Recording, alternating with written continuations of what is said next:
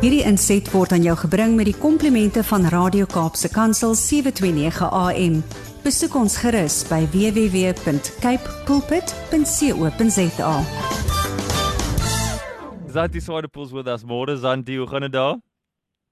Môre breek nee hier aan my kant skyn die son heerlik Ja. en ons ons gryp die dag. Carpe diem. Daar's hy. Wat het jy vir ons Zanti? Ek is reg. Ek het nou 'n pen hier so en ek wil notas maak want ek leer en ons almal leer van jou elke week. So ons is reg vir jou. Ag, weet jy wat, prys die Here. Hy is goed en hy is met ons. Immanuel. Vir my so mooi om te weet ek hoef nie hierdie dag alleen in te gaan nie. Ek hoef nie hierdie dag net met my eie breinkrag in te gaan nie en ek hoef verseker nie hierdie dag met my eie menslike wysheid in te gaan nie. Ek en jy kan vandag met alles wat in die skatkamers is van God se hart Wow. hierdie dag mee erf. And that gives me hope. Hm. God is hope because I find everything I need in Him. And that for me is just such a privilege and such a ja, dit kalmeer my gees om dit te weet. Ek wil vanoggend bietjie praat oor ja, oor just something that that lays on my heart and I, I'm sure on every listener's heart. Hm. And that is when we sometimes face things that we do not have any control over and what that means to us. I know if you are like me and you are human and we see what's going on in the world right now and we see the war between Russia and hmm. Ukraine and the heart sore and the devastation, then we feel hopeless. Hm. And it's so beautiful when, when we feel that way, that the moment things are too big for me and you to make a direct difference in, Ja. I always know that the battle is the Lord's. Then the battle becomes the Lord's, and I fight it on my knees. Mm. And that's what I want to challenge you with this morning, is are you battling this one with on your knees? Ja. because that's all me and you we can do when we are not directly impacted by things. So God is hope, He is with us, He never leaves us, but we can battle like the front line on our knees.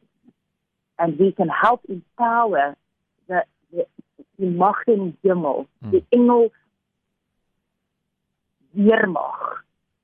We can we can help them by praying for the situation in the Ukraine.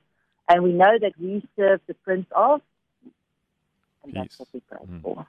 Prince of Peace. But what can we do? You see, if we cannot do physical things or directly impact a huge situation, what can we then do? And that is what I want to speak about this morning because there is something me and you can do every day in our lives to make a difference and to bring God's love and His ways to the world around us hmm. and our world around us. And it's so beautiful in, in 1 Corinthians 13, verses 4 to 7, it says, And let us not grow weary of doing good, for in due season we will reap, if we do not give up. So then, as we have opportunity, let us do good to everyone, and especially to those who are of the household of faith. Be kind to one another, tender-hearted, forgiving one another, as God in Christ forgave you. Yeah. I want to leave you this morning with a beautiful story that just brought this back to me once again because I sometimes feel so helpless with huge situations in the world Mm. and I don't have the answers. And then it's like God says, Zantie, I'm going to do what I can do. I that battle is mine, but I expect you to care for people around you, because that way we bring peace, love, and hope to everyone in our sphere around us, because that is our responsibility. Hmm. You see, because a man was once asked to paint a boat. He brought his paint and brushes and began to paint the boat a bright red as the owner asked him. While painting, he noticed a small hole in the hull and quietly repaired it. Hmm.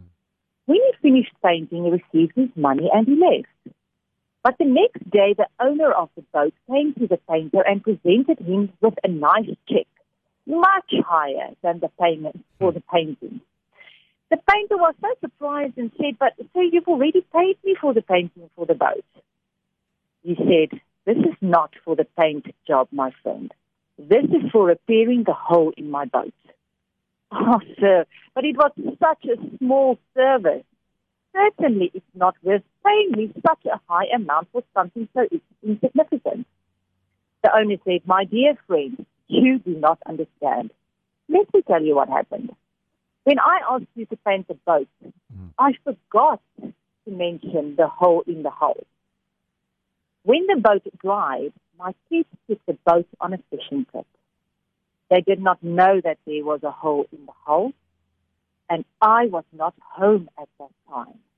Huh. When I returned and noticed they had taken the boat, I was desperate because I remembered the boat had a hole in. Imagine my relief and joy when I saw them returning from fishing. Then I examined the boat and I found that you had repaired that hole. You see now what you did. You saved the lives of my children. Sure. I do not have enough money in the mm-hmm. bank to pay you for such a small good. You see, the moral of this story to me today again is that no matter who, when, or how, we must continue to help, to sustain others, to wipe tears, to listen attentively, and carefully repair all the leaks we find around us. We never know when one is in need of us or when God holds a pleasant surprise hmm. for us being helpful and important to somebody else. Along the way, you may have repaired numerous boat holes for several people without even realizing how many lives you might have saved. Wow.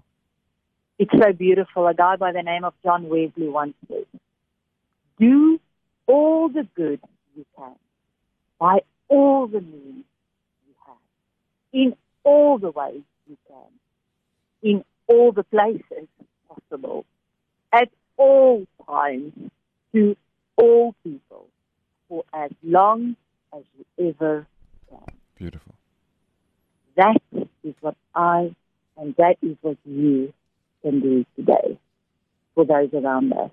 When situations are too big and they are overwhelming us, and we we we just have no answers and capability of making a difference there, then the battle is the Lord. Mm. And we fight that on our knees.